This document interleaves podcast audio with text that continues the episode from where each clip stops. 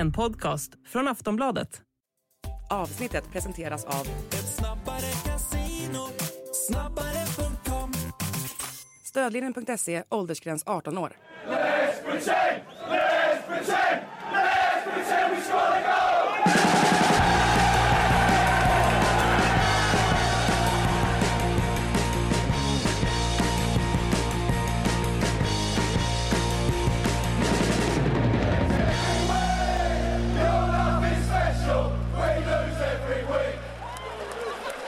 Sportbladets Premier League-podd. Patrik Syk heter jag, Makoto finns med mig mitt emot. Frida Fagerlund från London. Hur står det till allihop? Vad härligt, tack. Eh, vi kastar oss rätt in i det som... Bryr dig verkligen noll om hur vi mår. vi är bara här, det är det viktiga. Ja, ja, ja, jag ser bara föreställa mig att våra lyssnare inte bryr sig hur vi mår. De vill, Ja, de vill att vi ska rätt in på fotbollen. Eh, Nej, men skämt åsido. Eh, jag tänkte vi skulle faktiskt börja här med att bara uppmärksamma det som vi eh, nämnde förra veckan.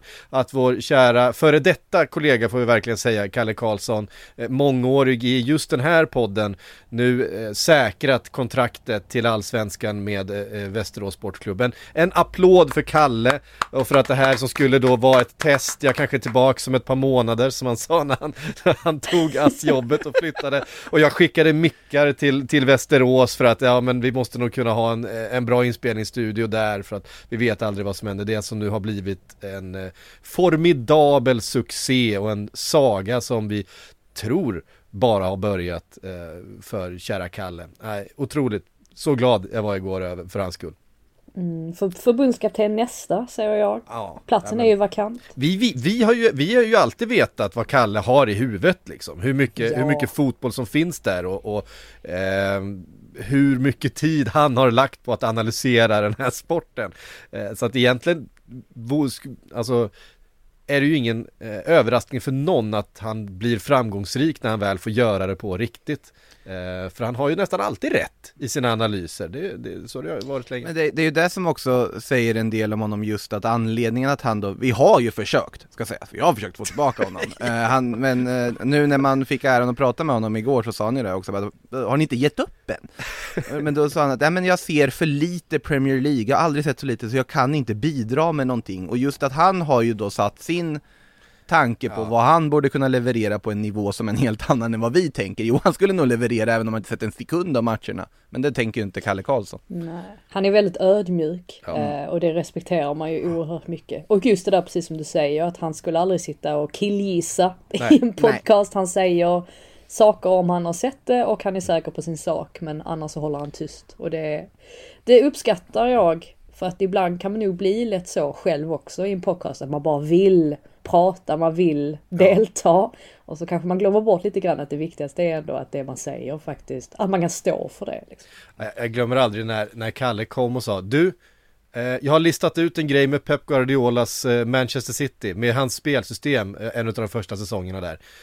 Har vi inte någon, har vi inte någon, något tv-program eller någonting där jag kan få förklara på en tavla? Och när han, när han kommer med det, när han själv kommer och säger att jag har listat ut någonting, då vet man, då har han gjort det. Då har han suttit hemma, jag vet inte när det här var, 2018 kanske. Och då hade vi någon sån här lagspecial som vi gjorde. Det. Ja det kommer jag. Eh, och Jag han visade just hur Pep Guardiola skaffar sig numerära överlägen i, på vissa ytor på planen. Eh, hur han gjorde då med sina spelare. Och det var, det var så glasklart när han förklarade. Det var det liksom så här, eh, ja men nu vet vi att Kalle har nu listat ut det liksom. Eh, och det finns ingen anledning att tvivla på någonting han säger i den här analysen. Och, eh, och precis så, han hade ju rätt då och han hade i stort sett alltid rätt när han, när han gjorde sina eh, taktiska genomgångar. Eh, men jättekul att han får verkligen ska vi säga, riktig nytta utav den här kunskapen också. för att, eh, för att eh, eh, nedvärdera oss eh, själva lite grann.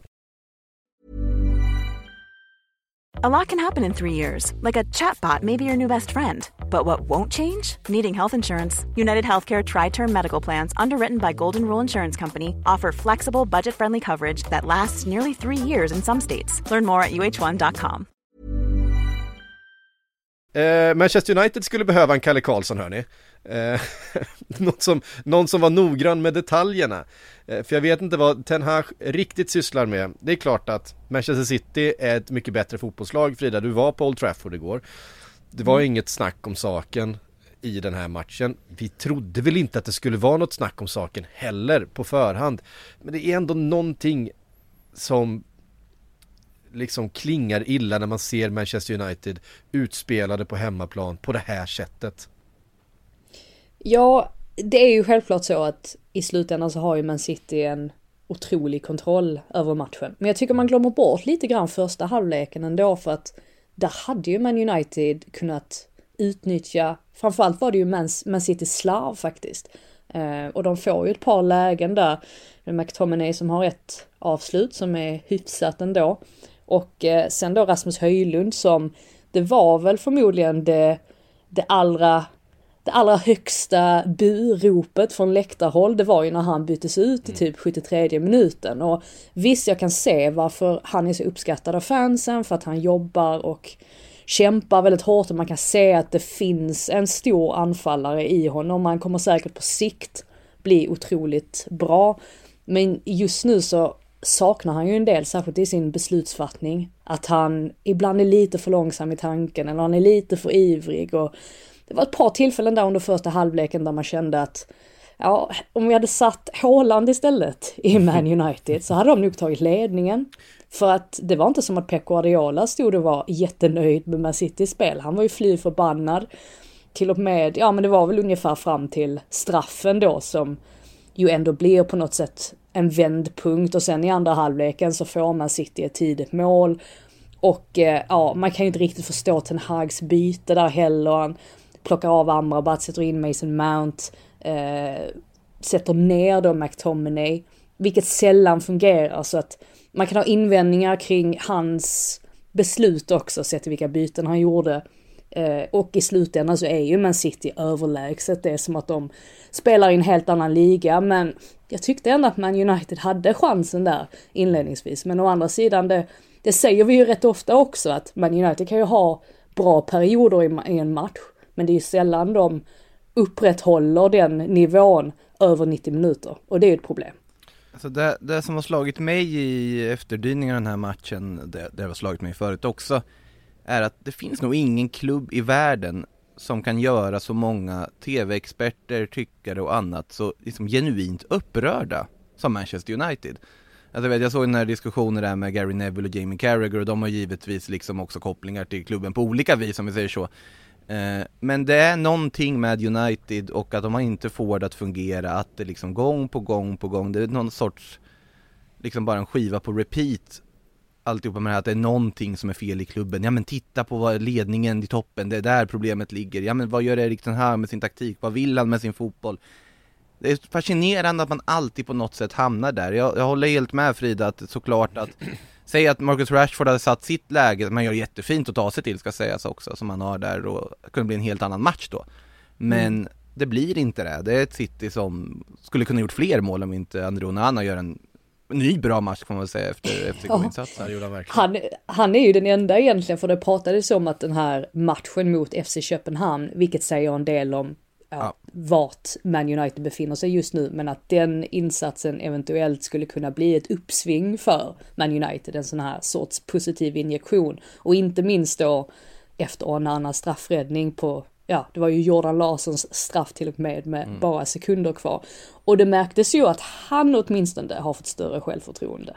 Men ja, på resten av spelarna så märktes kanske ingen, ingen markant skillnad så tillvida. Men jag håller med där Makoto, jag tycker också att eh, det ibland blir lite för mycket. Eh, att man tar i från tårna när man ska analysera Man United. Och visst, de var inte bättre än Man City i den här matchen.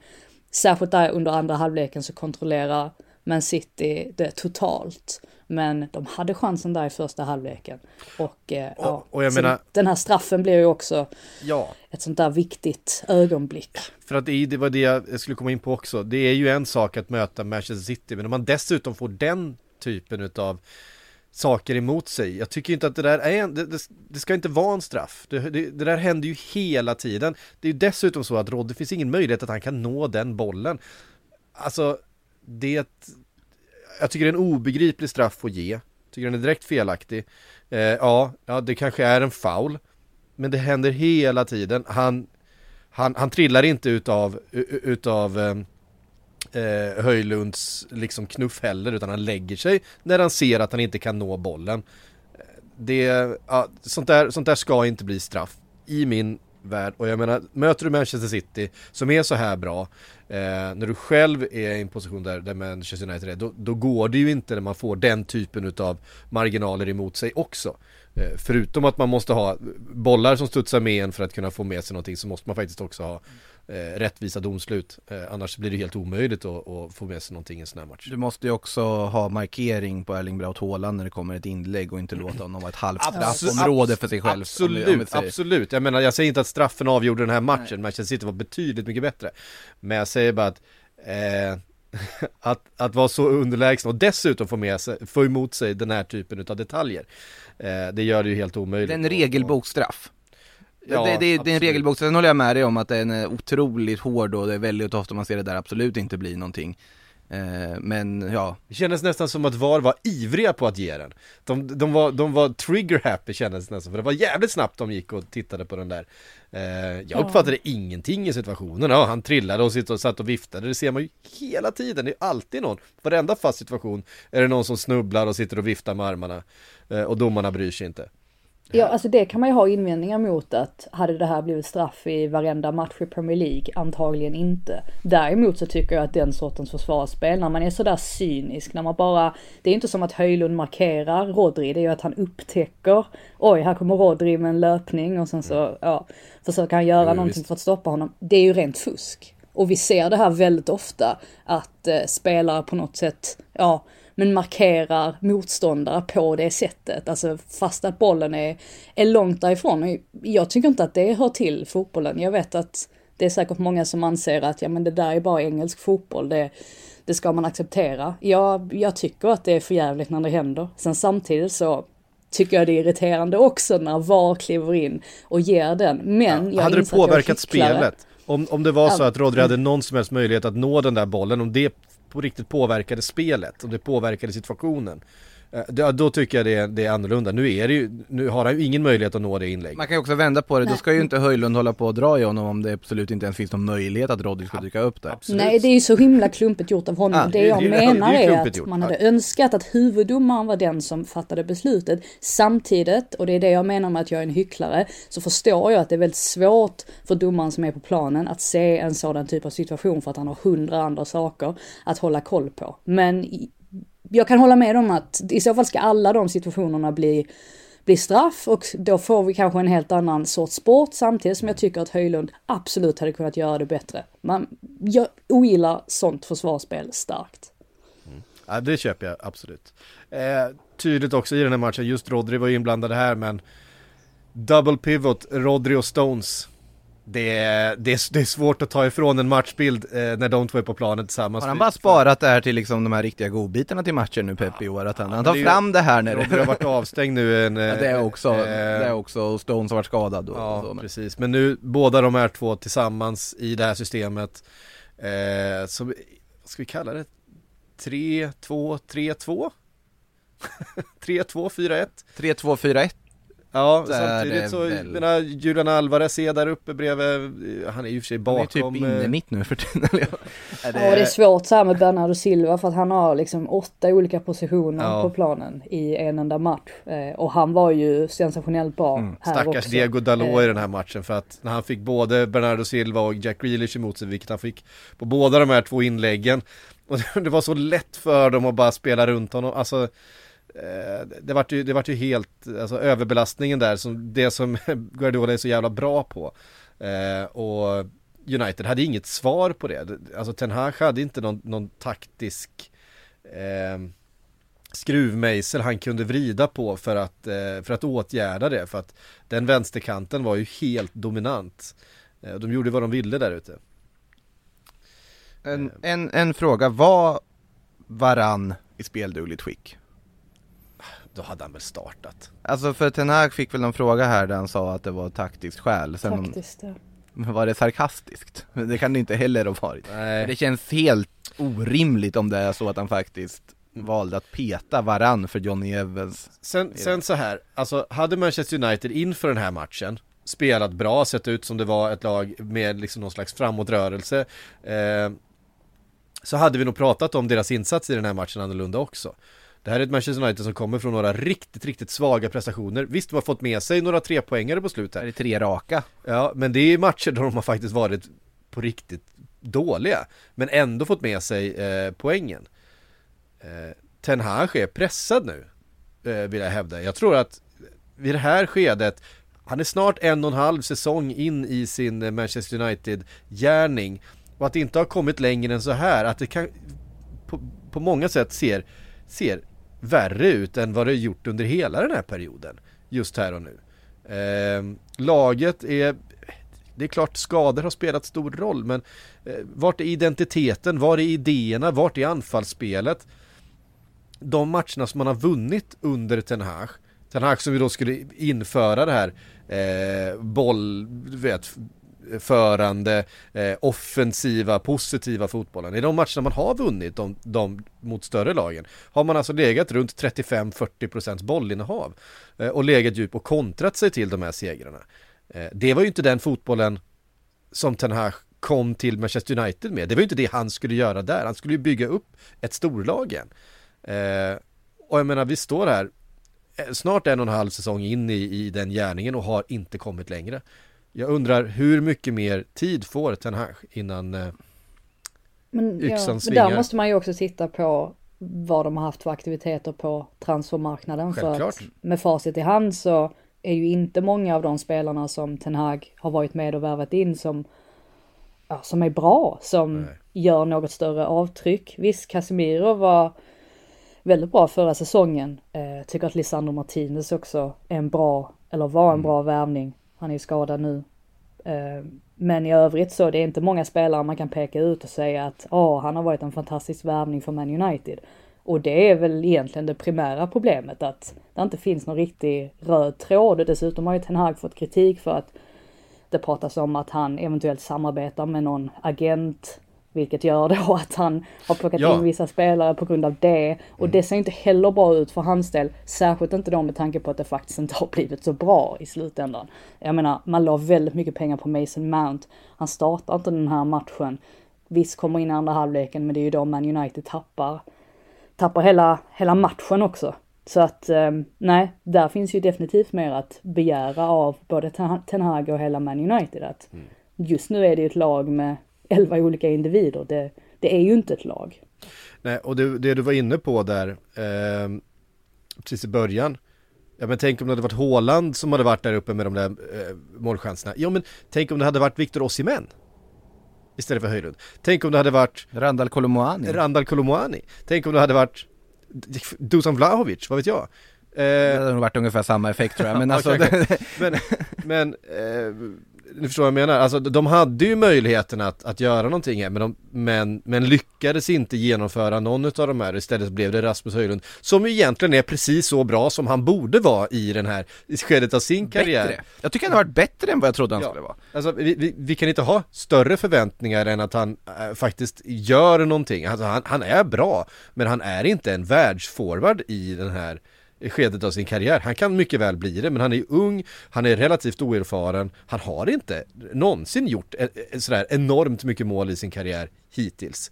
Ehm. Det är väldigt lätt att, att sitta här nu såklart och peka på det, men man undrar ju vad, vad, vad överhuvudtaget sysslade de med i somras? Alltså det, det kändes som att allt de fokuserade på var att ge ett så pass ovärdigt slut som möjligt till David de Gea, som de ändå funderar på att ta tillbaka nu. Samtidigt som de skickade ut lite Mason Greenwood testballonger hit och dit för att se om de kunde få in honom i truppen utan att det blev en alltför stor ramaskri av det. Det kunde de inte, därav att han är i Getafe nu. Eh, och samtidigt som man då, ja men Mason Mount, ja vi vill betala det här, nej Chelsea vi vill ha det här, okej.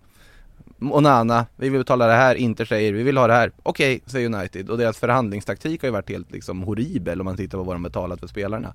Sen, Mount, han har haft en skada i början, jag vill inte liksom gå ut och eh, bedöma honom som en flopp än.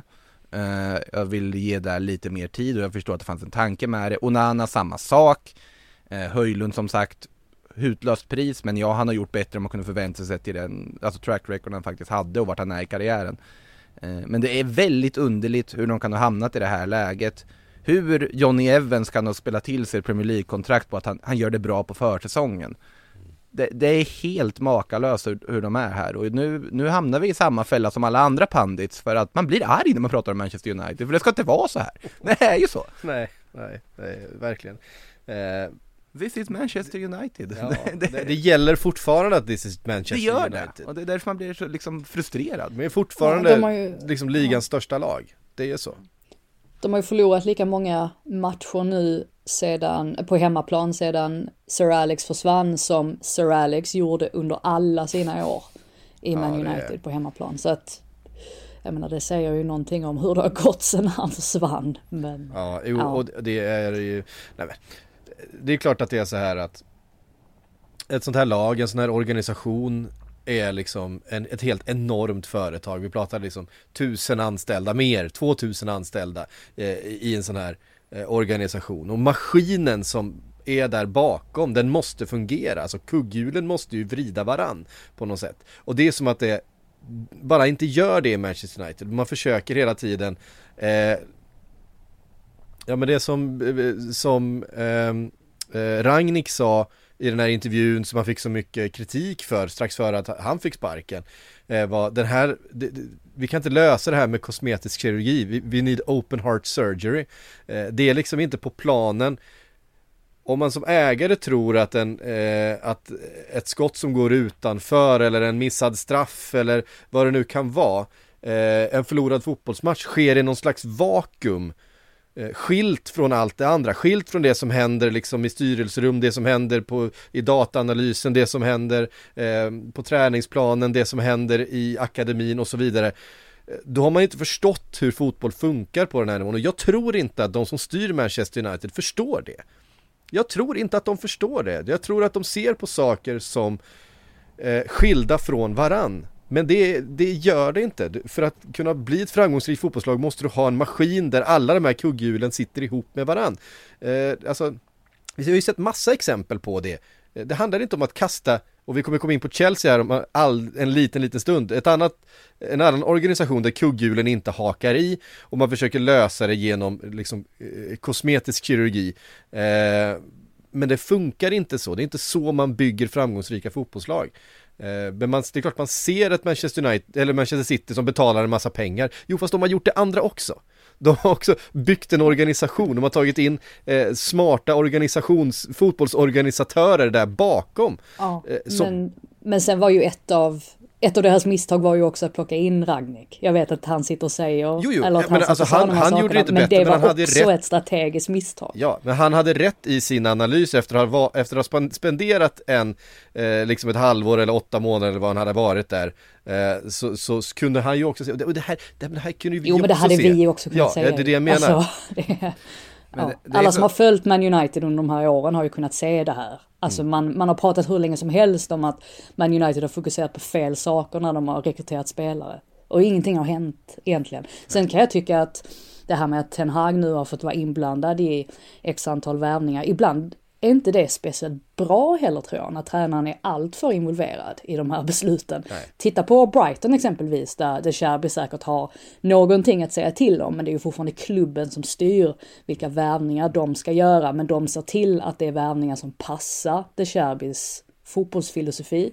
Och eh, ja, man kan väl kanske tänka sig att man United har haft problem på den punkten, att Ten Hag har han har väl ämnat att hitta spelare som passar in i hans spel. Ja men ta Anthony exempelvis som han kände mycket väl från tiden i Ajax. Men det har inte blivit, det har inte fallit helt väl ut så att säga. Eh, du prickar ganska rätt där Frida på just det här med att det är skillnad på att låta en tränare bestämma och vara med och styra. Mm. Så Pep Guardiola fick väl frågan där efter matchen också, vad är liksom hemligheten bakom det här City-projektet? Ja, vi har samklang mellan ledning och sportchef och tränare och vi jobbar mot samma mål. Och det var ju en direkt peak mot Manchester United också. För att det är en skillnad på om en tränare sätter, ja, nu ska jag bestämma helt vilka vi ska ha. Eller om du har en organisation där du har nu är inte jag för sportsliga rådet på så vis, kanske på det här viset om du har det i en organisation, men just att en sportchef och en tränare jobbar ihop, du har en alltså ledning och ägarskap i klubben som också jobbar mot samma mål och att alla är i synk.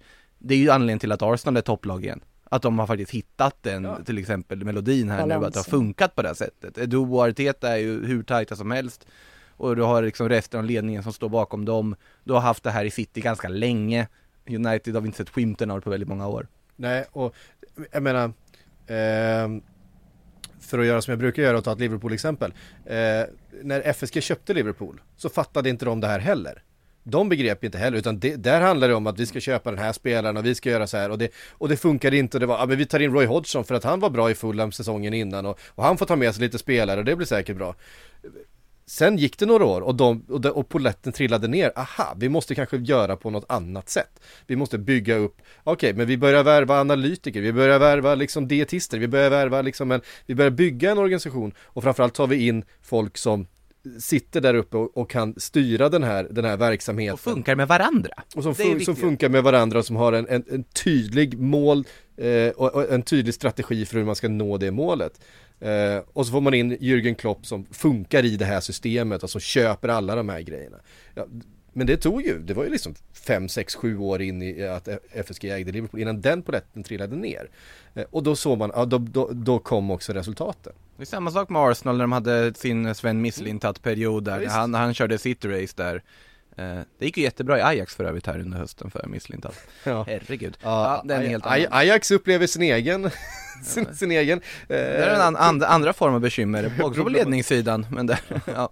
Ja, de väntar väl kanske på att Ten Hag ska bli ledig så de kan plocka tillbaka honom. De ligger alltså sist nu va? De ville ju ha hans assisterande här väl eh, också eh, till Ajax som tränare mm. men där är väl problemet att de har snarare tappat all form av Ajax-koppling i ledningen och Ajax har ju alltid varit en klubb som inte fungerar.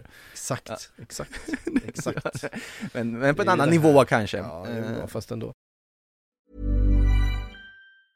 Quality sleep is essential for boosting energy, recovery, and well-being. So, take your sleep to the next level with Sleep Number. With a Sleep Number smart bed, you can individualize your comfort level and enjoy a better sleep night after night. JD Power ranks Sleep Number number 1 in customer satisfaction with mattresses purchased in-store. And now the Queen Sleep Number C4 smart bed is only $1,599, a saving of $300, only for a limited time. For JD Power 2023 award information, visit jdpower.com/awards. Only at Sleep Number stores or sleepnumber.com. Ja, vi ska, nu måste vi vidare från, eh, från Manchester United och Manchester City. Vi, vi har nämligen vi har fler krislag i, i Premier League att prata om. Eh, Chelsea-Brentford 0-2 Frida, du var, du var där också. Eh, ja, jag har sett alla kriser i helgen. Ja, Neil Mopé, varför passar han inte? Eller vad säger varför skjuter Varför passar Därför att han inte har något självförtroende. Vad tror du? Han har inte gjort mål på över ett år i Premier League. Han var väl livrädd att han skulle missa öppet mål dessutom. Ja, det är säsongens det ju... jag-svagaste ögonblick. det var ju fint ändå eh, för att en boomer står ju på sex fullträffar den här säsongen. Och jag vill minnas att för typ en månad sedan så ifrågasatte jag om en boomer verkligen skulle kunna bära Brentfords offensiv. Och de orden får jag äta upp för att jag tycker att en boomer har varit fantastisk. Um, men ja, det finns ju mycket att säga om den här matchen. Uh, jag vet inte om man ska ta det från början ändå för att det var inte som att Brentford var bra i första halvleken. Där var det Chelsea som dominerade och uh, det har vi ju sett förut, det här med att Chelsea gör väldigt mycket bra och sen så fram tills då att de når fram till målet och så får de inte in den. Uh, jag tycker att Cole Palmer fortsätter att visa framfötterna, han det är han som styr och ställer på planen. Det är han som pekar spelare i rätt riktning. Framförallt Nicholas Jackson som verkligen behöver den vägledningen för att han är helt snett på det ibland. Det, det, märks att Jackson eventuellt kan bli en bra spelare, men jag får lite samma vibbar som från Timo Werner, Kai Havertz, det här med att det sista lilla fattas. Och eh, det fanns ju ett ögonblick ganska tidigt under första halvleken där Raheem Sterling hade bollen till vänster och sen så löpte Jackson rakt mot mål och så hade han Cole Palmer bakom sig. Och där satt man och kände att men varför tar du, var, var, varför springer du så rakt Jackson? Bara spring lite mer diagonalt så öppnar du upp ytan för Cole Palmer bakom dig. Det blir dessutom lättare för Sterling att eventuellt passa bollen till dig. Men han har inte riktigt det i sig och det märks att Palmer blir frustrerad av det. Det är nästan så att Palmer har den rollen som Mason Mount hade tidigare. Det här med att då var det Mason Mount som pekade Timo Werner i rätt riktning hela tiden och nu är det Palmer som, som styr och ställer. Men eh, han kommer att bli, han är redan bra för Chelsea, Palmer. Han kommer att bli ännu bättre. Så att där under första halvleken så satt man och tänkte att det här kommer att bli bra. Chelsea kommer säkert få in ett mål snart. Och så blir det inte så för att Brentford steppar upp i andra halvleken, blir ännu mer solida, eh, slarvar mindre, blir mer aggressiva i duellspelet och ja, då, då gick det som det gick och det är väl ingen slump kanske heller att det är Brentfords tredje raka seger i ligan på Stamford Bridge. De har gjort det här förr så att de kände väl att de absolut kunde få med sig någonting. Angående Nico Jackson så är väl den stora skillnaden att där tycker jag återigen, han gör ju bättre ifrån sig än vad jag väntade mig att han skulle göra överhuvudtaget i Chelsea. Jag förstod ju inte riktigt varför det var den hyllan de började handla från. Absolut, han öste in mål i våras i La Liga, men jag tycker aldrig han haft den höjden. Eh, att han ska gå in. Jag trodde väl snarare att det var en värvning som typ, ja, typ Brentford skulle kunna göra. Eh, faktiskt. Men sen så tycker jag han har överpresterat sett till vad jag egentligen trodde från honom i spelet och så vidare.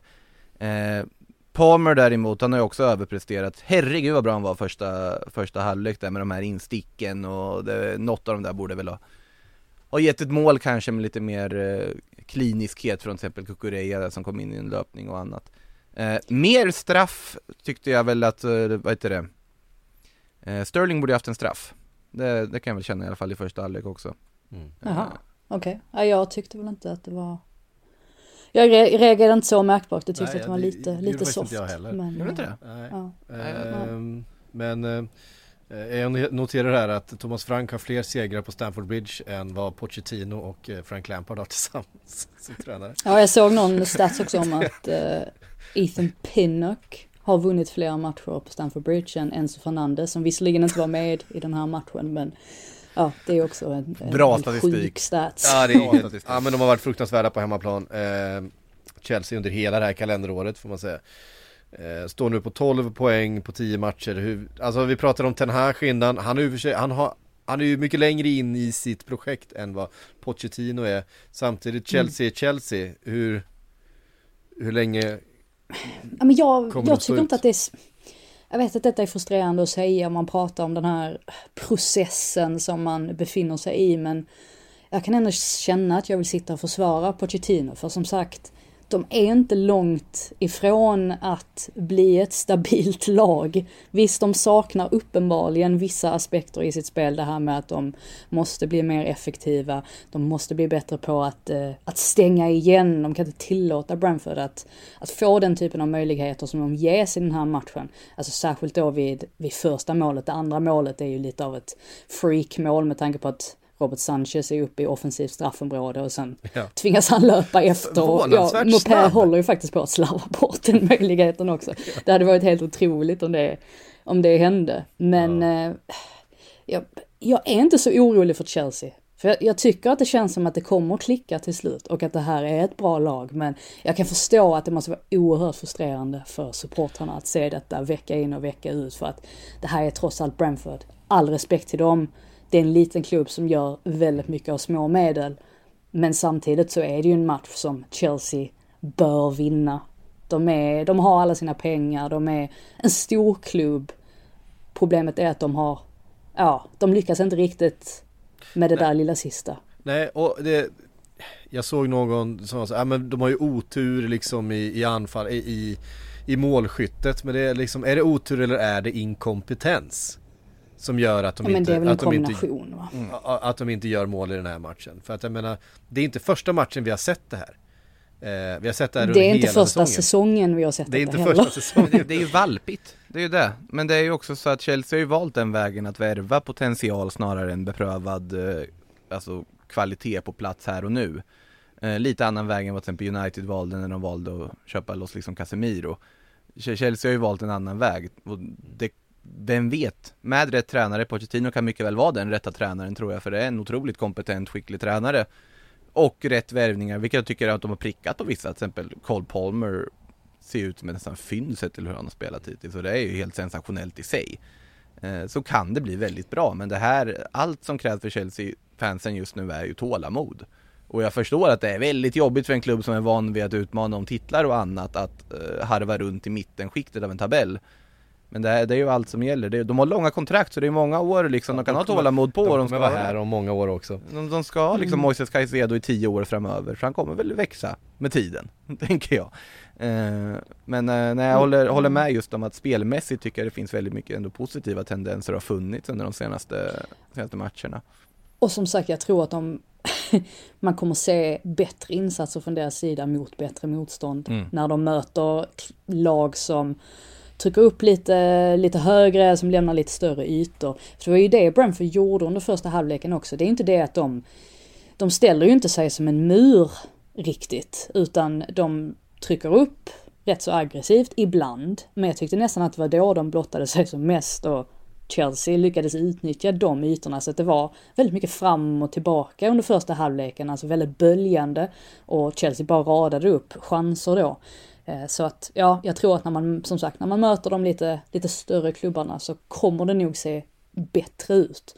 Eh, så måste man kanske säga någonting om Mopé också, faktumet att han lyckas dra på sig gult kort utan att ens vara inne på planen. Vad är det han, vad är det han, vad är det han Helt sysslar rätt. med? Shithouser alltså, kallas det, helt rimligt. Ja, precis, det var exakt, exakt vad jag satt och sa där på läktaren. Det här med att han joggar förbi bollen när Palmer har lagt upp den för att slå en frispark och han han kan inte motstå frestelsen Nej. att bara röra vid bollen lite grann. Det är så fruktansvärt onödigt. Men det är väldigt mycket Neil Maupin. Han ja, älskar ju när han får eh, ja, men hela supporterbasen emot sig på något sätt på en arena. Det har vi sett förr, mot andra Londonklubbar dessutom. Han, han skänker ju glädje. Alltså jag blev glad när jag såg det i alla fall. Och sen eh, också så här, skänker glädje till Mbeumo där är ju Mm. Snarare än dåligt självförtroende kanske det var en liksom genom altruistisk handling han gör där när han ger en Han behöver det här mer än vad jag behöver utan mål på över ett år. Ja. Sen var eh. ju eh, Pochettino tog sig ut i ett snack med några supportrar också efter första halvleken. Eh, som skrek efter Jackson att ja, se till att göra mål eller någonting sånt.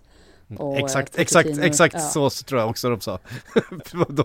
se, se, till att göra de, de mål la, nu. La in några svordomar där kanske. Det, det var nå, någonting åt det hållet i alla fall och Pochettino var framme och eh, ja, försökte säga åt dem att stå bakom laget istället. Och, och han hade väl mer att, mer att önska från publiken överlag, men ja, det blir väl lätt så också när man hamnar i en resultatmässig svacka att alla tycker att Chelsea ska besegra ett lag som Brentford och ja, när man åker på tredje raka segern då på hemmaplan eh, i ligan ja, då är kanske inte humöret på topp hos alla. Jag gissar på att fansen sa direkt och översatt till engelska You haven't scored since Jesus went in swimming trunks för att citera Göteborgs supporten till Marcus Berg.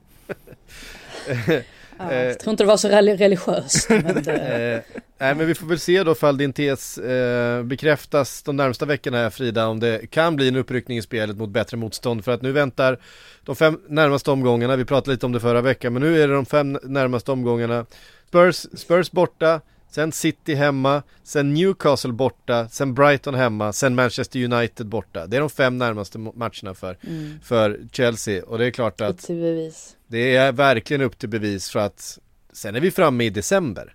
Eh, det är 6 december man spelar den, den matchen. Då har vi snart spelat, det är alltså, då har vi spelat 15 omgångar. Eh, Chelsea ska spela på julafton dessutom. Och Chelsea ska dessutom spela på julafton. Ja, så borta. Att, eh, ja, nej, det är ett, eh, eh, och framförallt då, direkt, ja men måndag nästa vecka, eh, Spurs borta. Spurs som slog Crystal Palace med två mål mot ett. Eh, det var inte så jämnt som det kanske låter när man säger att det var en uddamålsförlust. Eh, Spurs var ganska mycket bättre än Palace. Ja. Och ett Tottenham som, som toppar ligan efter tio omgång omgångar obesegrade Frida. Det här, det här trodde inte jag. Det kan jag... Jag, tror inte att, jag tror inte att Roy hade hållit med dig om du hade sagt till honom att äh, Roy, hade den här Roy hade fullt upp och, och klaga på ungdomarna han satte in. Han, ja men det var rätt roligt för att jag satt och pratade med eh, en, en vän inför matchen om att Roy, man vet alltid vad han ska säga i, eh, ja, men, intervjuer efter matcherna och på presskonferensen och sådär att han alltid är så himla ödmjuk och fin och ja, och lite sådär, ja, ja, det, det som händer händer. Lite den devisen. Men efter den här matchen så var han ju påtagligt irriterad. Det är, det är nästan som att någonting har hänt där. Det här med att han dels var rejält eh, bitsk i intervjun med Sky, som de dessutom deletade från sina sociala medier. Så det var uppenbart att, att den, ja, att det var någonting, någonting känsligt med den intervjun. Han gillade inte riktigt hur frågorna ställdes. Och dessutom då på presskonferensen, precis som du säger, att han, han beklagade sig över bytena och att effekten uteblev av dem. Så att han var inte, han var inte helt nöjd. Uh, ja, då var väl Postekoglu desto nöjdare, uh, får man säga.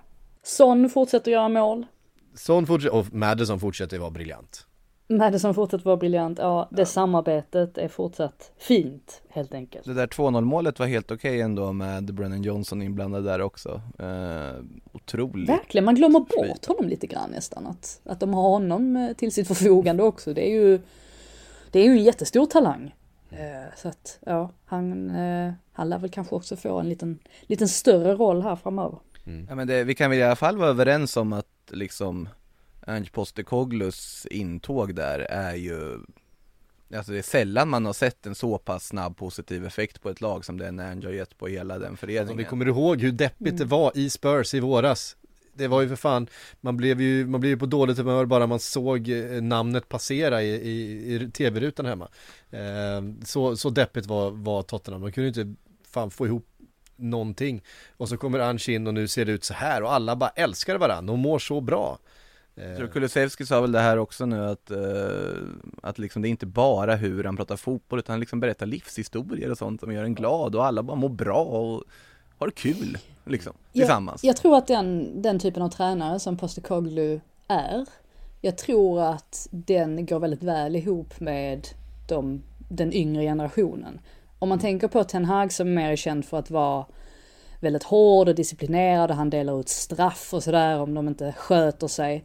Jag har en känsla av att den, den ledarstilen är på väg att bli väldigt omodern och att yngre spelare kanske inte riktigt lyssnar till den typen av tränare längre. Jag, jag tror på Postecoglos stil att han mer att han är vän med sina spelare, om än att han givetvis håller en viss distans. Men att han ser människan bakom fotbollsspelaren. Och Klopp är ju likadan. Också en sån som verkligen Men de är lite, fars, de är lite såhär farsa båda två. De är som farsa ja, till sina spelare. Verkligen. Alltså det märks att de har en väldigt eh, personlig relation. Det har man ju förstått bland, alltså de som har haft Ange i tidigare lag också. Att men de fortsätter hålla kontakten och de, man har liksom en relation som går utanför bara den professionella. Och så var det ju med Klopp också, alltså, jag glömmer aldrig när, när Ilke Gündogan efter ett, liksom ett toppmöte med Manchester City. Bara direkt efter matchen går fram och ger eh, Klopp en stor kram liksom för att de var kompisar sen, sen Dortmund och alla andra säger okej okay, det kanske, kanske inte riktigt läge att vara så här. Hej och tjena. De, de är ju Ancelottis fast i modern tappning med tydliga spelidéer. Ancelotti är väl en, den, den, den, uh, the original fotbollsfarsa liksom Ja fast där var det lite mer också stund, stundtals lite mer liksom curlingfarsa över det. Att det var liksom såhär, men gå, gå, ut och gör vad ni vill. Och sen har haft så bra material att, att, det funkar ändå. Ja. Jag tycker att Wenger är ett ypperligt exempel ja, på någon ah, som var väldigt känd för att ja. vara en Absolut. otrolig människokännare. Sen är han ingen speciellt bra tränare så att det var ju hans fall på något sätt att han Han saknade annat men att han var en, en väldigt fin människa. Eh, Men jag tror att det funkar det funkar, eh, eller har man hela paketet då, då tror jag att eh, det funkar hur bra som helst. Och det verkar det ju göra för, för Postekoglu också. Jag Verkligen. måste läsa upp en tweet också som jag tycker mm. är helgens bästa tweet. Eh, från Duncan Alexander, han är ju ett geni på, på många sätt. Eh, men han twittrade att Tottenham har ett facit på 8-2-0 efter 10 matcher. En fin hyllning till Antonio Contes favoritformation. det, ja, väldigt träffande. Eh, ja, väldigt bra. Eh, ja, eh, Tottenham i topp. Strax där bakom har vi så, såklart då Arsenal. Som bara är två poäng bakom Tottenham och, och jagar febrilt såklart. 5-0 mot Sheffield United. Det, det är Takehiro Tomiyasus mål vi tar med oss från den här matchen givetvis, eller hur? Enketias eh, fantastiska hattrick, eh, men ett, ett, ett riktigt, ett rent hattrick. Ehm, Nej nu, nu kommer, nu kommer de här, vad heter det, ja, eh, hattrick-puristerna in här Jag sa och inte äkta, jag sa inte äkta, jag sa att det var rent. Det var nämligen inga straffar, det var inga skitmål, det var, det var fina kvalitetsmål och det var de tre första målen i matchen. Så att, Hö- Höger, vänster, höger fot, vänster fot, huvud, en halvlek, tre i rad. Nej, nej, ska- så där ska man inte hålla på, men, men i samma halvlek ska det vara för att vara ett äkta. Ja, det, det kan jag ställa upp på, men, men Det var, det var stor variation ja det var det. i målen Ja, i alla fall. Och sen är det, Det att man var, får, ja. just att man får toppa av ett, ett hattrick med att göra det snyggaste målet, att göra, du vet, Mm. hänga en sån riktig jävla kanon. Det är ju det bäst, bästa sättet att signa Men det där off. gör man ju bara när man har gjort två mål Mm. dessförinnan. Det var ju självförtroendet för de fullträffarna kände man ju i Eller när det står skottet. 0-1 i ett klassiko på Montjuic, då kan man också göra det. Eh, men eh, vad heter det? Nej jag tyckte den så här första var, alltså ett av de snyggare också, alltså den mottagningen. Ja, jättefint. För det Touchen, känns, liksom. ja det är otroligt fint, liksom så här Fox in the box mål verkligen, när den här inlägget från Rice känns ganska ofarligt, han bara tar Ja, emot. jag, jag, jag tror att han, det, det, inlägget ser felslaget ut på något sätt. För att det, han har ju tur att den går fram, för den går ju mellan Ja. benen lite så här högt Ja. upp eh, på en eh, Sheffield United-försvarare. Så att, att bollen studsar fram där bakom. Jag tror han ville ha den djupare, alltså runt eh, backen och att eh, Rice misslyckas lite med sin passning. Så att eh, improvisationen där från Enketia är i- i mottaget är ju- snabbtänkt och otroligt snyggt tyckte jag det var. Att han ger bort straffen sen till Vera var ju Ja, eh, var jättefint. intressant. Annars hade han ju blivit eh, en av tre spelare att göra fyra mål i en match på The Emirates. Men eh, nej, det, så blev det inte. Han fick, eh, fick- fick stanna vid tre. Vera hade ju tydligen bett om straffen också, det hade väl varit eh, också om Enketia redan Ja. har gjort tre och Vera firade ju med att lägga bollen under tröjan för han väntar väl tillökning där i familjen. Eh, så det var ju fint ögonblick för, för hans del. Men jag tar ju fortfarande med mig Tommy Jesses mål främst, givetvis. såklart. det sista som hände i matchen. Ehm, ja, nej, det finns ju- alltså Sheffield United, vad ska vi säga, de, de, eh, de håller inte, det räcker inte till. Eh, De kommer, de, de kommer inte klara den här säsongen. Jag, jag, De har ju väldigt mycket, väldigt mycket skador. Men eh, i den här matchen så var det ju framförallt försvarsspelet som var ja, men det duger inte. Nej. bedrövligt. Jag menar han, han, Austin Trusty, det låter också patronizing att säga så men jag vet inte riktigt vad han, vad han sysslade med i, i den här matchen. Han, han höll uppenbarligen inte tillräckligt hög nivå eh, mot ett lag som, som Arsenal. Det blev nästan lite för enkelt för Enketia i vissa, i vissa fall. Och, Han eh, är för såld va? Från Arsenal, Trusty. Vad sa du? Han är såld från Arsenal, eller hur Trusty? Han är inte utlånad. Nej, det kan det inte vara. Ja, jag vet inte. Men det är samma sak, ja, jag vet inte. Det, det, det, det känns inte som, det känns inte som någonting i, i laget riktigt räcker hela vägen. Eh, det finns, det finns, ja men visst. Ollie McBurney är en, eh, en spelare som kan vara tuff att möta ibland. Han är eh, hyfsat målfarlig, han är rätt så eh, stor och stark och så vidare. Men det, det, är inte, det är inte tillräckligt bra. Det är inte tillräckligt mycket för att, De har ju Ryan Brewster på topp. ja, det, Som gjorde sin första start på typ ett år. Ja, Eh, ja. ja, det. inte, Nej. och sen får man ju komma ihåg också att Sheffield United sålde sina två bästa spelare inför säsongen. Jag Mm. menar vad, vad förväntar sig ledningen om de nu förväntade sig någonting eh, inför den här säsongen? Nej, Nej, det- det ser mörkt ut. Jätteunderlig, eh, underligt att gå in i en Premier League-säsong med den truppen de har, det måste jag säga. Ja, eh, jag menar Paul Heckingbottom Vad ska han göra? Jag menar, finns det någon finns, Är det någon annan som kan komma in och göra det istället och rädda ett kontrakt? Jag tror inte det jag tror Eh, inte heller det Det är faktiskt. bättre att liksom låta honom göra den här säsongen och komma bättre förberedda kanske ner till ett, ett Championship och, och, och bygga på någonting Jag vet inte Eh, Alltså de visar inte några tendenser på att de panikartat kommer typ plocka in Big Sam på slutet för att försöka liksom rädda upp det. Det finns inte ens några sådana tendenser i liksom laget. Nej, de har en poäng efter tio spelade omgångar eh, och har inte egentligen haft häng på speciellt många fler. Det var typ den Nej, matchen det- mot Manchester United som de, eh, som de var bra och sen kanske, ja, eh, någon mer men eh, nej, det, ser, det, det, det, det, det, riktigt det räcker inte till. Ehm, från den matchen då, eh, Liverpool, Nottingham Forest 3-0 hade Forrest ett enda skott? Ja, på slutet där när Anthony Langa kom in så... Det var ju ribban. Eh, eh. ja, det är ju inte på mål. Eh, Men, men tycker du inte att de hade lite för mycket respekt för Liverpool? Alltså Jo. det var ju, de sätter Elanga som nia typ, eller det blir en falsk nia. Uh, jag tyckte att det var märkligt av Steve Cooper. Jag förstår att han kände att vi kommer vara underlägsna på Anfield, men det där var ju i, i grövsta laget. Ja, alltså en, fem, en 5-4-1 med Anthony Elanga högst upp som ju inte är en, en, en renodlad centertank direkt. Uh, nej, det var, det var inget, ingen, ingen svår match för Liverpool eh, på det sättet. De, de höll ju taktpinnen från början. Eh, och när första målet väl eh, kom där så kändes det som att ja, Ja, då kom ju andra också som ett brev på posten bara två minuter senare. Så att eh, då var ju liksom matchen egentligen över. Behaglig skogspromenad var väl där det blev av det. Men, men det man kan säga om just Soberslaj och McAllister framförallt för att jag har ändå känt en liten osäkerhet kring McAllister och huruvida han liksom, hur man ska få till den där balansen på mittfältet och hur han ska bli som mest bekväm. Jag tycker att han gör en jättefin insats här. Alltså Soberslaj är ju den som får alla hyllningar och han blev, blev utsedd till matchens lirare men McAllister gjorde en gedigen insats han också. Jag tyckte det här var nog kanske en av hans bästa eh, matcher så här långt för, för Liverpool om man ska eh, vara ärlig.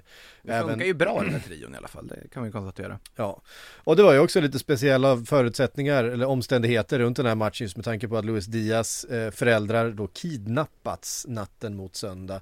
Eh, såg ju också Diogo Jota som gjorde första målet och som också spelade där till vänster på, på Luis Diaz normala plats. Eh, sprang ut efter målet och höll upp eh, hans tröja och, och Klopp sa att det var en av de svåraste matcherna just att, att låta fotbollen vara det viktigaste. Det brukar vara en av hans eh, enklaste grejer. Eh, att motivera alla till att det här är det som betyder mest. Men det var omöjligt i det här läget när, när eh, Luis Casilla ehm, Lu Luis Diaz. Luis Diaz. Nu, nu hamnar du 20 år tillbaka i tiden här. det där gör jag jämt.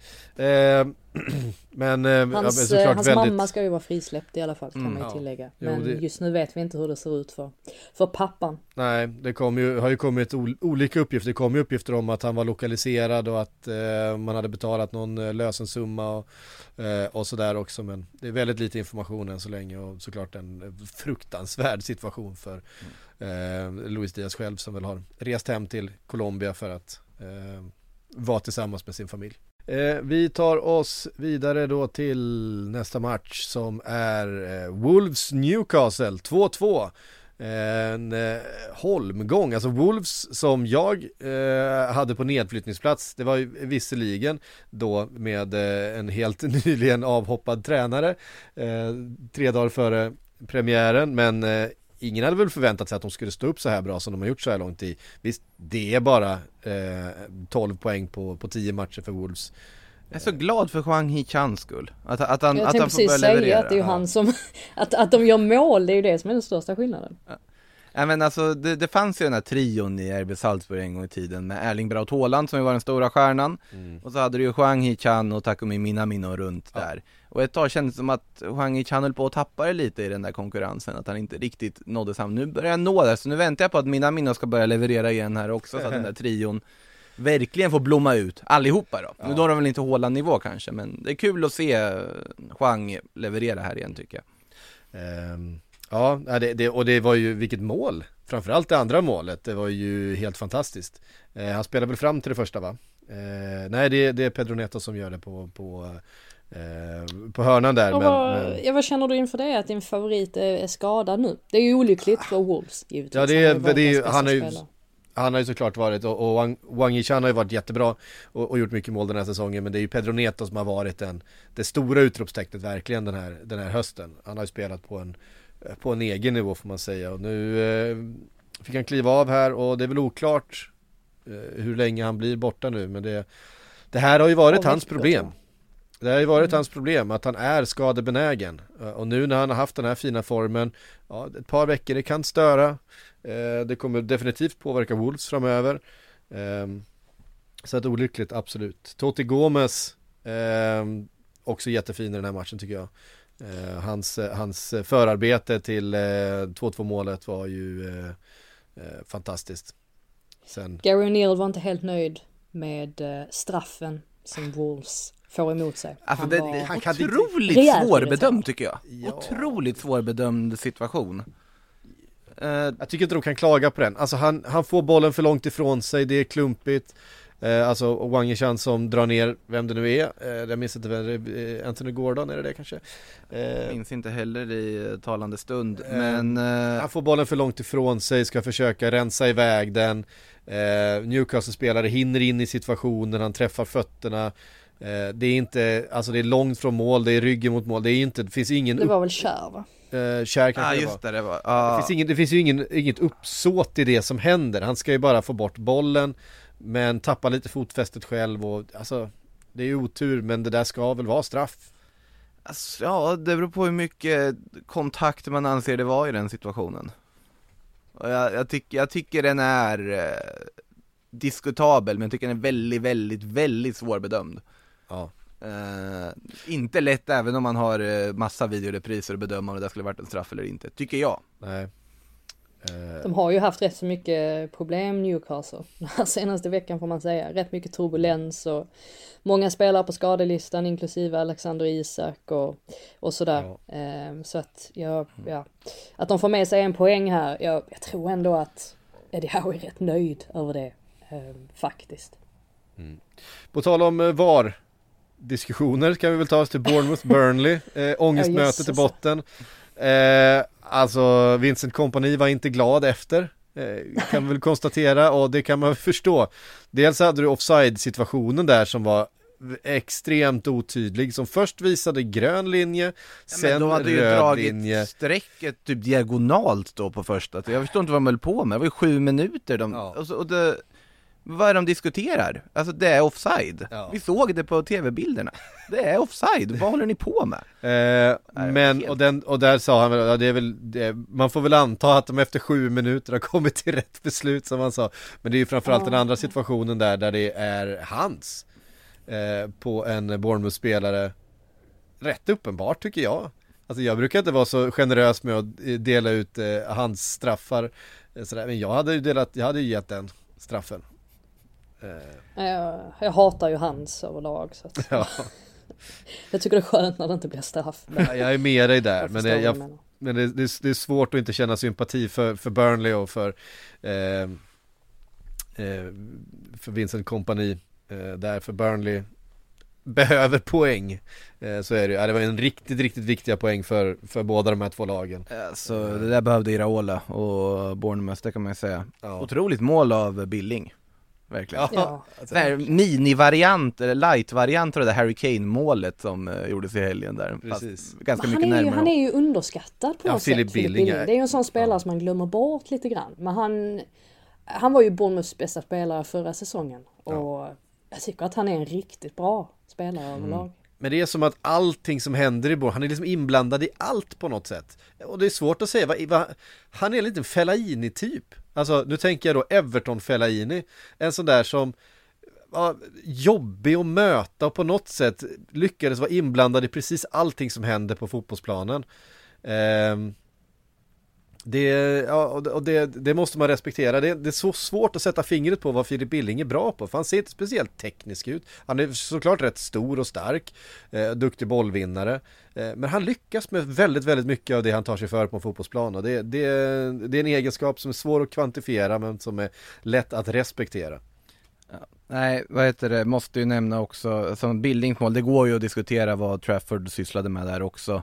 Eh. I den situationen. Jag tycker fortfarande ganska, nu tycker jag Trafford är en jättelovande målvakt och så vidare, men tycker det är ganska konstigt att man värva en ny målvakt man ändå hade Moric från förra säsongen som var alldeles strålande i Championship. Det, det går att diskutera där.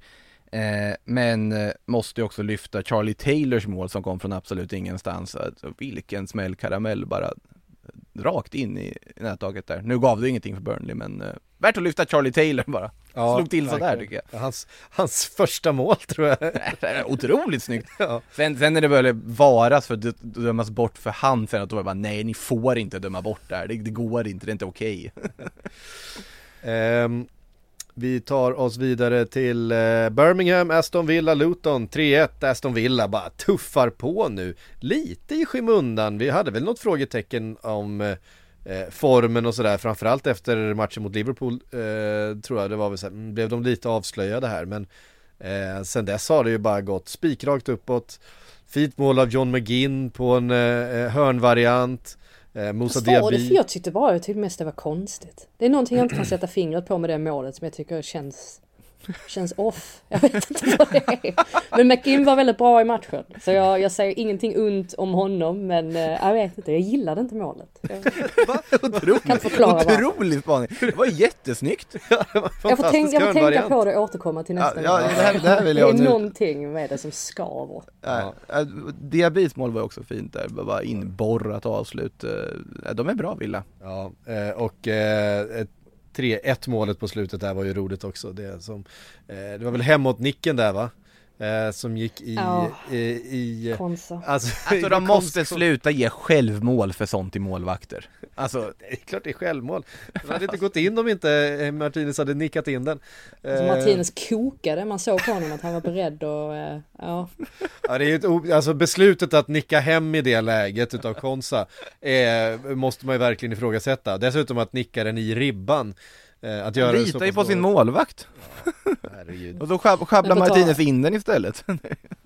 Men på tal om det här med Alltså vi, vi pratade om att Man United eventuellt saknade spelmönster. Om det är någonting som Aston Villa har så är det ju Är det ju faktiskt det. Jag tycker det är Verkligen. fascinerande att se hur de byter position med varandra. McInn han driftar in centralt och Kamaran är plötsligt på högerbacken och eh, ja men Matte Cash trycker upp på kanten. Det är verkligen som ett rinnande vatten, Aston Villa. Och de är ju bättre än vad de har varit på, ja men säkert 30 år egentligen.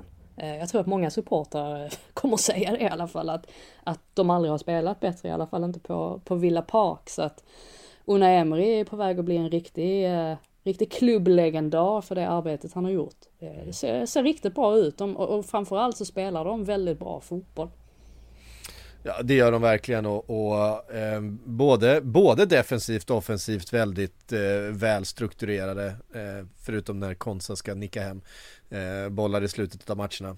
Eh, nej alltså Aston Villa kommer vara svåra att peta ner ifrån den där toppfemman som vi har nu då och det kan ju faktiskt bli så att vi får fem lag med oss till Champions League i år, det ska man komma ihåg. Eh, och det har blivit en liten, en liten, det har gjort ett, gjorts ett ryck kan man säga för att det är fem poäng nu ner mellan Aston Villa och Newcastle som då har eh, sjätteplatsen. Eh, det är tajt där ovanför eh, och det är framförallt tajt där nedanför eh, med några få poäng men det där lilla, lilla gapet på fem poäng det är ett litet miniryck vi har sett utav eh, frontfemman här.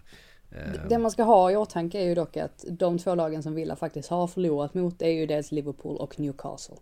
Så att man, man väntar lite på att se dem prestera så här mot, ja, mot majoriteten av, av lagen i, i ligan. Men jag håller med om att de har en fullgod chans att hamna på femteplatsen. Även om jag tror att Newcastle kommer göra sitt bästa ändå för att utmana dem. Men ja, de dras ju med sina skadeproblem och, och sådär. Så att eh, det lär bli eh, tight. Onekligen. Vi har eh, en match kvar va? Två matcher kvar Två matcher kvar att hantera, eh, just det, men vi kan väl börja med West Ham Everton eh, Viktiga, viktiga, viktiga poäng för Everton som eh, mm, Vi får se ifall det blir ett poängavdrag, då kommer de definitivt behöva alla det ja. alla, alla poäng de kan skrapa ihop Det här lilla orosmolnet som ligger där och skvalpar. Ja. då är de körda i så fall kan vi säga om de får 12 poäng som det har, pratats om. Det, det är total ridå då. chans. Total ridå då. Ja då är det ridå, Ja. absolut. Eh, Men en stark seger här eh, på bortaplan mot West Ham. West Ham som inte var bra alls. Eh, De kom inte upp i, i nivå överhuvudtaget. Och det passar väl inte ett David Moyes-lag på något sätt att möta ett Sean Dyche-lag. De, de, tar ju ut varandra lite grann på något sätt och eh, Dominic Calvert-Lewins mål, jättefint visar ju att han fortfarande, han är ju den spelaren i Everton som på något sätt kan göra någonting om man bara får vara skadefri någon gång och få lite kontinuitet i spelet och få eh, göra det han är bäst, på så, så är han ju en, en, en kvalitetsspelare för, för Everton. Han är inte riktigt redo att eh, åka till Aletti Fack och hänga med Steven Gerrard än, var väl det han visade. Nej, Precis. Han, eh, ja, han var ju fantastisk rakt igenom också, inte bara vid målet som man Ja, man ville se f- flera gånger om för att det var så fint. Det var ju sånt klassiskt, alltså riktigt sån där en anfallare har sån extremt bra instinkt bara. Att det sitter i ryggmärgen vad exakt han ska göra. Och, ja, vi har ju efterlyst det från honom och eh, vi får se om detta blir någon sorts ja, blir någon sorts lyft för honom framöver också för att det lär Everton behöva. Sen hade ju, alltså Pickford hade ju inte jättemycket att göra fram till slutet av andra halvleken egentligen men jag tycker ändå att försvararna, eh, framförallt Branthwaite och Tarkovsky, att de gör en riktigt bra insats också. Det är, så länge man har ett stabilt försvar så, så eh, kommer man en bra bit på vägen. Eh, sannare ord har aldrig sagts, skulle nog Sean Dyche säga. Eh, Nej, han hade gillat det ja. ja. eh, nej men det, och, jag menar, det, det här var ju den typen av insatser och mål som vi vande oss vid att se från eh, Calvert Lewin om vi går tillbaks några säsonger eh, till när han var som allra bäst och det pratades om eh, det pratades om liksom Manchester United och det pratades om Arsenal och så vidare eh, för honom. Men han blev kvar i Everton och sen skadorna har ju gjort sitt såklart över de senaste säsongerna men det Ge ett par mål till så ska du se att det pratas om United i vintern igen. Det hade varit oerhört glädjande om han kom, fick komma tillbaks och spela sin bästa fotboll igen. Eh, Brighton Fulham 1-1. Brighton i en svacka får vi väl ändå säga. Har tappat lite mark nu eh, senaste omgångarna. Det här var ingen, ingen övertygande eh, match Frida eh, från eh, De Serbis gäng.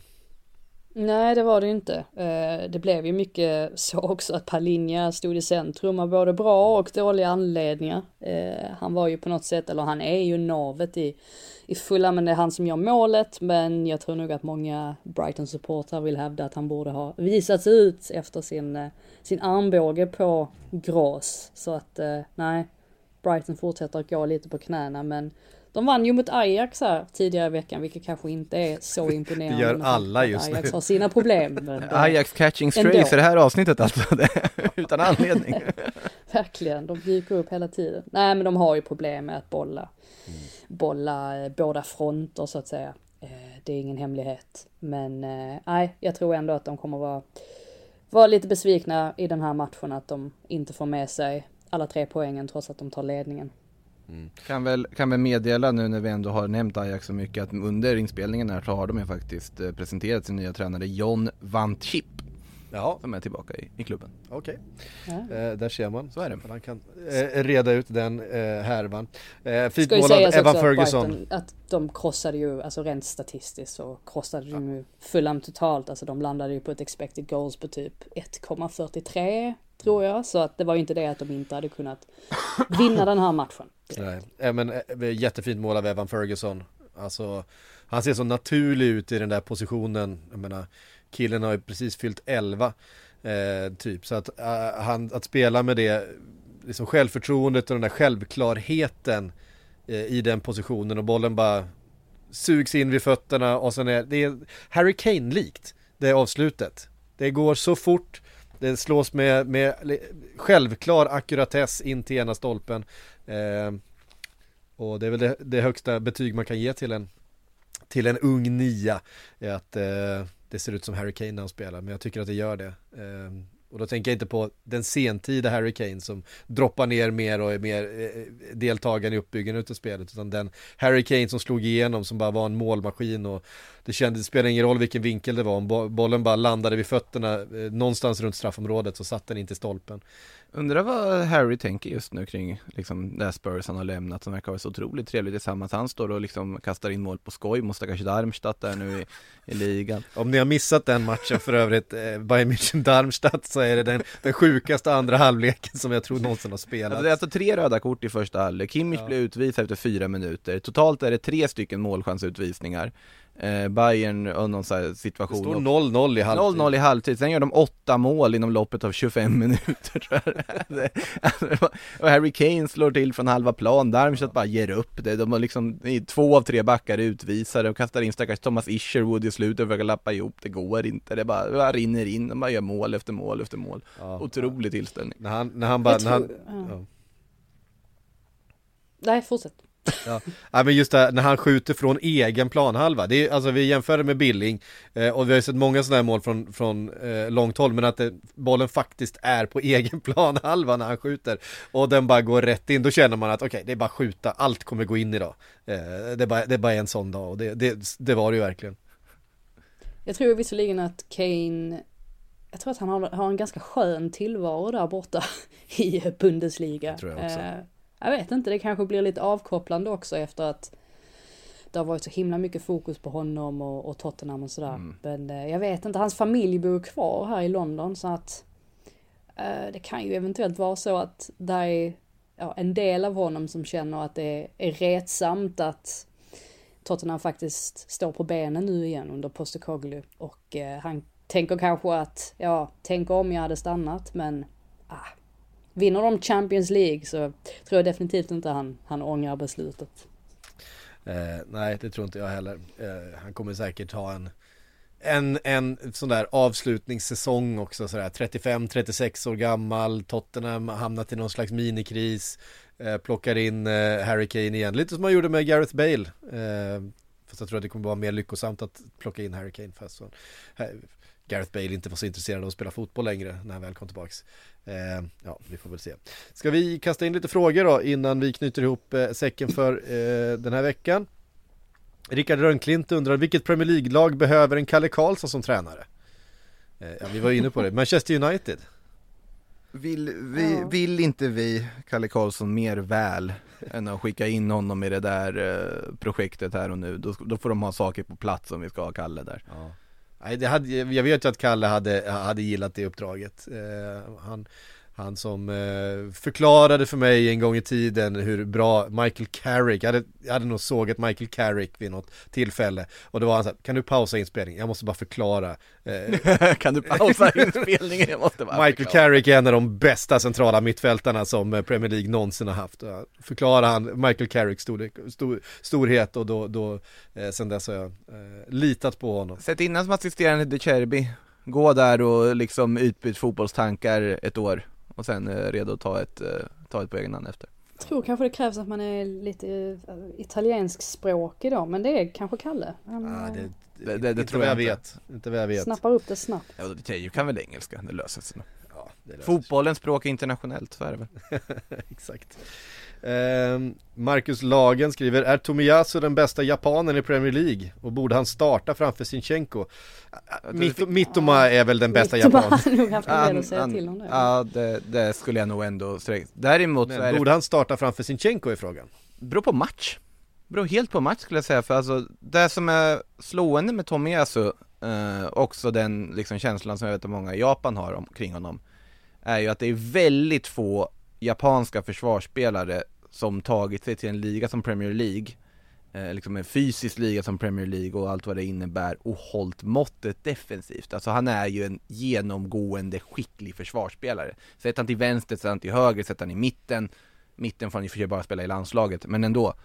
Han försvarar. Han vinner dueller. Han står på rätt plats vid rätt tillfälle och det är väldigt få japanska backar genom åren som har nått den nivån som Tomias har gjort och håller på den nivån som han gör. Eh, jag vill ju klassa honom som en av de bästa liksom japanska försvarsexporterna faktiskt genom tiderna skulle jag vilja säga till och med. Jag vågar sträcka mig så långt med risk att vara lite historielös. Eh, såklart, Maya Yoshida var lagkapten i landslaget jättelänge Det var det enda jag kunde komma på. Alltså man, man gillade ju, alltså det finns ju liksom backprofiler man har gillat genom åren också Men alltså att just nå den elitnivån som Tommy Yasu har gjort, det är nog ingen annan som har gjort faktiskt. Nej, eh, nej jag håller med, han är, han är väldigt, väldigt bra och, och mångsidig Eh, Tobias Pettersson eh, vill att vi ska prata gärna om hur bra Dominik Soboslaj är. Eh, Frida, du får prata om hur bra so Dominik Soboslaj är. Ja, eh, en positiv överraskning får man säga. Det var inte det att jag trodde att han skulle vara dålig på något sätt, men tycker att han har tagit för sig mer än vad man kanske hade tänkt sig, eller att han i alla fall akklimatiserade sig snabbare än vad man hade tänkt sig. Och jag gillar att han är så rakt på sak, att han hänger med upp i anfall, han slår bollar eh, ja, men, rakt fram och inte i sidled oftast. Eh, så att nej, han har ju visat sig vara ett ett väldigt bra köp för Liverpool. Och man får ju säga att Liverpool faktiskt har adresserat det stora problemet från förra säsongen. Så all heder till dem för det. Ja, det är ju det är ett helt nytt mittfält som, eh, som står där och spelar. Och, och det, som, det som överraskar mig med Soboslaj, det är hans arbetskapacitet. För han har ju, han är ju den, han gör ju James Milner i jobbet nu, att han tar de där löpningarna efter 90 minuter som man inte liksom egentligen tror att någon ska orka. Ehm, och, och håller uppe pressspelet, han går i djupet, han gör allt det där. Han är en otrolig arbetskapacitet. Förutom att han är en, en, en duktig fotbollsspelare. Det är väl hans, det är hans små fötter. Eh, ni känner till den här eh, som han blir känd för. Han har väldigt små fötter. Och i Ungern så är det en, eh, en otroligt stor grej, en bra grej som fotbollsspelare, nämligen för att Puskas hade väldigt små fötter. Eh, så... Vad pratar vi skostorlek nu då? Jag vet inte vad han har, men han är känd för sina små fötter och det, det ska vara, det, ska vara eh, det bästa då för en, för en fotbollsspelare. Eh, så att eh, det finaste man kan ha som ungersk fotbollsspelare är små fötter. Eh, och det har... Jag, jag börjar osökt tänka på den gamla Åtvidaberg och IFK Norrköping-profilen Christian Pligg Bergström som hade sko, skostorlek 36. Med, Jävlar, alltså, ja, med, med, med, den vänsterfoten som var en av de mest känsliga där runt eh, i allsvenskan runt millennieskiftet. Ja, Annars brukar det vara en känslig punkt för män. Eh, det här med skostorlek, att man inte vill ha små fötter. Men eh, det verkar ju inte ha bekommit eh, Soboslaj i alla fall. Nej det tror jag Framförallt bekom det inte Pligg i alla fall. Han var ju, ja, det... Nej det, det känns som, det är någonting man är väldigt stolt över som fotbollsspelare i Ungern i alla fall. Eh, där, där är små fötter det finaste man kan ha. Eh, och han ska tydligen ha små fötter. Eh, så är det med den saken. Eh, hörde ni, det får runda av den här veckans Sportbladets Premier League-podd. Eh, vi som har pratat heter Patrik, Makoto och Frida. Eh, Silverpodden, Makoto, den är igång och kör igen ju. Ja, den rullar på som vanligt. Mm. Även om du har blivit artificiell nu mer ja, i precis. din vardagsroll så kör den ju på eh, på veckovis. Det blir lite blir lite Champions League förra veckan. Mm. Det blir väl säkert eh, lite mer silly kanske i eh, kommande avsnitt. Vi får se vad vi bjuder på. Jag brukar bestämma det liksom någon kvart innan. Precis. Eh, Ligacup i veckan också ju. Eh, Inte omöjligt att det nämns i ja. förbifart. Ska du ut på något spännande Frida? Nej, inte ligacupen. Alltså jag är, så, jag är så trött efter förra veckan. Jag eh, förstår var, det. Jag, var ju över hela landet eh, ja, kändes det som. Så att, eh, jag tänker, eh, jag ska fokusera på att skriva rätt mycket den här veckan. Tänkte jag. Fram tills eh, lördag då Fulham Man United väntar. Mm. Det är bara att hålla utkik efter allt som kommer från Fridas penna där. Eh, härifrån säger vi i alla fall eh, på återhörande. Vi hörs om en vecka igen. Du har lyssnat på en podcast från Aftonbladet. Ansvarig utgivare är Lena K Samuelsson.